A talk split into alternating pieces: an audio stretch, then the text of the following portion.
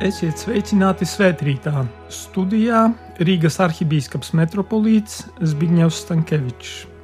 Sākumā noklausīsimies fragment no Svētā Jāņa evanģēlija 14. nodaļas. Bet iepriecinātājs, Svētais Gars, ko Tēvs sūtīs manā vārdā, jums visu iemācīs un atgādinās jums visu, ko es jums sacīju. Mieru es jums atstāju, savu mieru es jums dodu Ne tā kā pasaule dodas jums dodu, lai jūsu sirdis neuztraucas un nebīstas.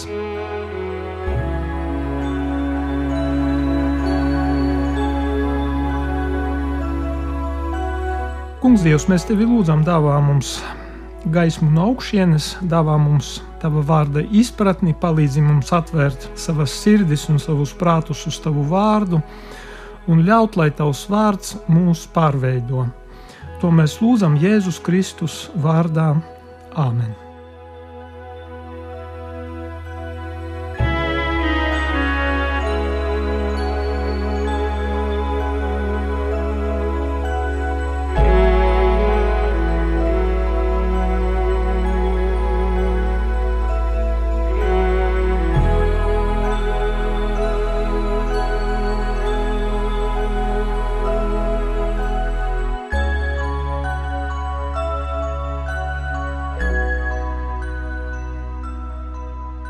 Jēzus saviem mācekļiem ir apsolījis mieru, bet mēs redzam apkārt un arī mūsos pašos daudz nemiera.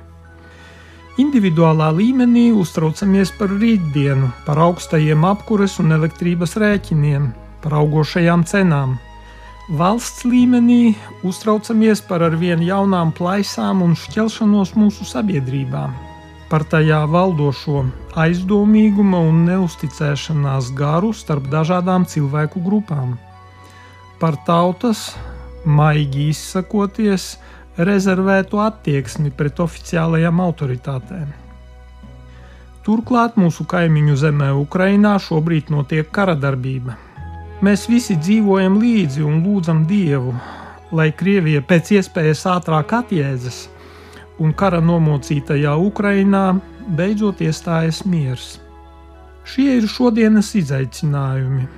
Nemieris, spriedze, aizdomīgums, kas ved pie naidīguma, un tas gala rezultātā riskē pāriet klajā vardarbībā. Svētie raksti tomēr mums parāda, kur ir īstie nemiera un kara iemesli. Tie aizsākas cilvēka sirdī, Apostulis Jēkabs raksta: No kurienes kari un strīdi jūsu starpā? Vai ne no turienes, no jūsu kārībām, kas karo jūsu locekļos? Jūs iekārojat, bet jums nav. Jūs slepkavojat un ienīstat, bet nevarat iegūt. Jūs strīdaties un karojat, bet jums nav, jo jūs nelūdzat Dievu. Jūs lūdzat, bet nesaņemat, jo jūs ļauni lūdzat, lai to izlietotu savām kārībām. Evanģēlis Jānis savukārt savā pirmajā vēstulē raksta: Jo viss, kas ir pasaulē, miesas kārība, acu kārība un dzīves lepnība, tas nav no tēva, bet ir no pasaules. Un pasaule paiet un viņas kārība, bet kas dara dieva gribu, paliek mūžīgi. Apostulis Jēkabs raksta, jo kas ir jūsu dzīve? Garaiņi, kas īsu brīdi redzami un tad izzūd. Tātad cilvēka dzīve ir īsa, kā svētie raksti saka, cilvēka mūža ilgums ir 70 gadi, un ja viņš ir stiprs, tad ir 80.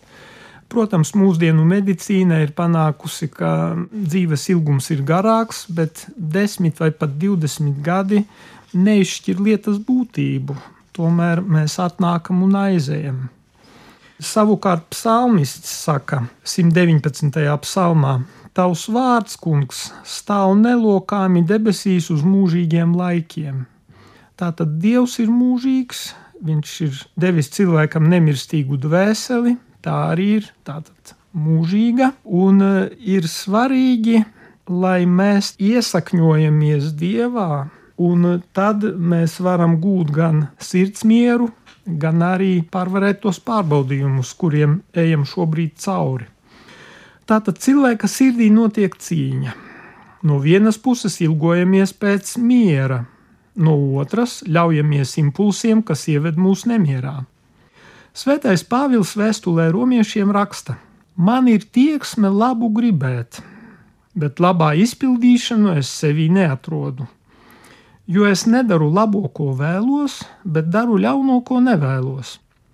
Tālāk seko ļoti interesanta frāze: Es, nelaimīgais cilvēks, kas mani atbrīvos no šīs nāvi nesējas miesas?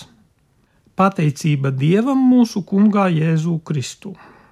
Citā tulkojumā ir Dieva žēlastība caur mūsu Kungu Jēzu Kristu. Tātad, saliekot visu kopā, redzam, ka situācija ir sekojoša. Cilvēka sirdī valda nemieris, jo viņu plosa dažādas iegribas. Kādā veidā atbrīvoties no šīm iegribām, kas plosa cilvēka sirdi? Gan Jānis Kristītājs, gan Jēzus Kristus savu misiju uzsāka ar aicinājumu: Atgriezieties no grēkiem, jeb nožēlojiet grēkus, metanoeite, grieķu valodā un tas nozīmē pamainiet savas dzīves uzstādījumus. Metanoja nozīmē kursa maiņu par 180 grādiem. Ja agrāk ļāvāmies pašplūsmai un tiem impulsiem, kas valda mūsu iekšienē, tad gan Jānis Kristītājs, gan Jēzus mūs aicina pavērst skatu citā virzienā. Jēzus teikuma otrajā daļā saka, jo debesu valstība ir tuvu jeb arī ticiet evaņģēliem, jeb labajai vēstī. Ticēt evaņģēliem nozīmē atzīt to, ka es pats nevaru tikt galā ar to, kas plosa manu sirdi, manu iekšējo pasauli. Ka es pats nevaru savaldīt tos impulsus, kas man ir austa uz dažādajām pusēm. Nevaru atbrīvoties no neveselīgām ambīcijām, vēlmes dominēt pār citiem cilvēkiem, izskatīties labāks nekā es patiesībā esmu, tūlīt apmierināt visas savas iegribas, arī uz citu cilvēku rēķina. Nožēlot grēkus nozīmē atzīt, ka esmu ļāvies visiem šiem impulsiem un neesmu ar tiem cīnījies. Nožēlot grēkus nozīmē atzīt savas kļūdas, patiesību par sevi, kļūt realistam. Ticēt evaņģēliem vienlaikus nozīmē arī atzīt, ka Dievam ir spēks mainīt manu dzīvi, ka Dievs var dzēst manu grēku vainas, manu kļūdu sekas, ka Viņš var stiprināt manu iekšējo cilvēku un palīdzēt sakārtot manus iekšējos uzstādījumus. Tas nozīmē padarīt mani spējīgu ne tikai gribēt labu, bet arī to darīt. Un ko nozīmē labu darīt, mums skaidro baznīcas tradīcija, un tie pirmkārt ir žēlsirdības darbi tuvākā fiziskajās un garīgajās vajadzībās. Nu šobrīd mūsu sabiedrībā var dzirdēt ļoti labas atsauksmes un pat pārsteiguma pilnus vārdus, ka ar mūsu sabiedrību ir viss kārtībā. Kāda iemesla pēc? Ir milzīga atsaucība attiecībā uz to, lai palīdzētu mūsu brāļiem Ukraiņiem, kuri ļoti cieš no kara šausmām. Ir patiešām pārsteidzoši, cik milzīgs labestības potenciāls ir mūsu sabiedrībā. Tātad darīt labu, tas nozīmē palīdzēt mūsu tuvākajiem. Tas ir palīdzēt Ukraiņai, bet tas ir arī palīdzēt tiem cilvēkiem, kas mums ir apkārt. Jo mums ir nabadzīgi cilvēki apkārt. Mums, piemēram, Svētā Jēkaba katedrālē katru svētdienu mums nāk stāv rinda ar cilvēkiem, kuriem mēs izdalām pārtikas paciņas un arī interesējamies par to, nu, kādas arī ir citas viņu problēmas un mēģinām viņiem palīdzēt un neskatoties uz konfesiju. Tātad tas ir atsaukties uz otra cilvēka vajadzībām, bet tas nozīmē arī pieņemt otru cilvēku tādu, kāds viņš ir. Un šeit mums ir liels izaicinājums, jo mūsu sabiedrība ir sašķelta. Un parādās ar vienu jaunas plaisas. Nu, agrāk tur bija vaksari, antivaksari, pēc tam bija kas ir par pieminekli un pret pieminekli. Tādi ir liberāļi, konservatīvie un viss visādas plaisas. Bagātie, nabagie, tad ir tie, kas par vienu grupējumu, par otru grupējumu, par vienu partiju, otru partiju. Un ko nozīmē darīt labu? Šai jomā. Tas nozīmē pieņemt otru tādu, kāds viņš ir, un mēģināt stāties ar viņu dialogā un censties saprast viņa pozīciju, viņa argumentāciju, viņa motivāciju. Bet nevis viņu apkarot, noķengāt un censties viņu diskreditēt par katru cenu. Lūk, šis ir izaicinājums, kur mums ir vajadzīga atgriešanās, vajadzīga sava grēka atzīšana un atvērties uz Dieva valstību. Jo Dieva valstība nozīmē realitāti, kurā cilvēciskās kaislības norimst un iestājas miers. Tur valda Dievs, un kā svētais Jānis saka, Dievs ir mīlestība, un kas paliek mīlestībā, tas paliek Dievā un Dievs viņā. Viņš saka, mīļotie, Mīlēsim cits citu, jo mīlestība ir no dieva, un katrs, kas dievu mīl, ir piedzimis no dieva un dievu pazīst. Kas nemīl, nepazīst dievu, jo dievs ir mīlestība. No 18. līdz 25. janvārim ir gadskārtējā lūkšanu nedēļa par kristiešu vienotību. Jēzus Kristus saka: Es jums dodu jaunu bausli, mīliet cits citu, kā es esmu mīlējis jūs, tā arī jūs mīliet cits citu. No tā visi pazīs, ka jūs esat mani mācekļi, ja jums būs mīlestība jūsu starpā. Liels iejaunojums visai pasaulē ir bijis tas, ka Kristus mācekļi ir apkarojuši viens otru, tādā veidā dodot antiliecību par Jēzu Kristu. Šī iemesla dēļ tieši misionāri bija pirmie, kuri sāka apzināties kristiešu vienotību kā galēju nepieciešamību, kā priekšnoteikumu tam, lai viņu misija būtu sekmīga. Šeit ir tā pati problēma kā karu gadījumā. Pagātnē ambīcijas, vēlme dominēt vienam pāri otru, uzspiest otram savu taisnību par katru cenu, noveda pie tā, ka kristieši sašķēlās, pat karoja savā starpā. Un šai nedēļā lūksimies par to, lai mēs pieņemam viens otru ar mīlestību un atzīstam viens otrā to labo, ar ko Dievs mūs ir apveltījis. Lai mēs mācāmies viens no otra, atbalstām viens otru, runājam labu viens par otru.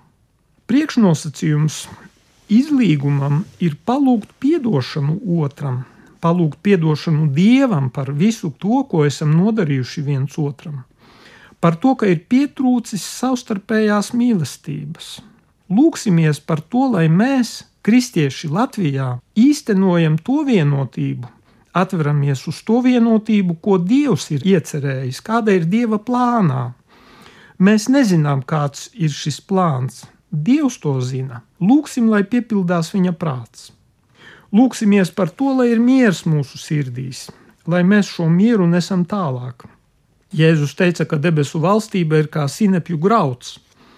Viņš to salīdzināja arī ar ieraugu, kura šķipsniņu sieviete iejauca vienā mērā mīklas. Lūksimies par to, lai kristieši ir kā šis sinepju grauds vai kā ieraugs mūsu sabiedrībā - vienotības, miera, izlīguma un mīlestības ieraugs. Mīlestības patiesībā jo mīlestība bez patiesības kļūst par izdabāšanu, bet patiesība bez mīlestības kļūst nežēlīga, augsta un iznīcinoša.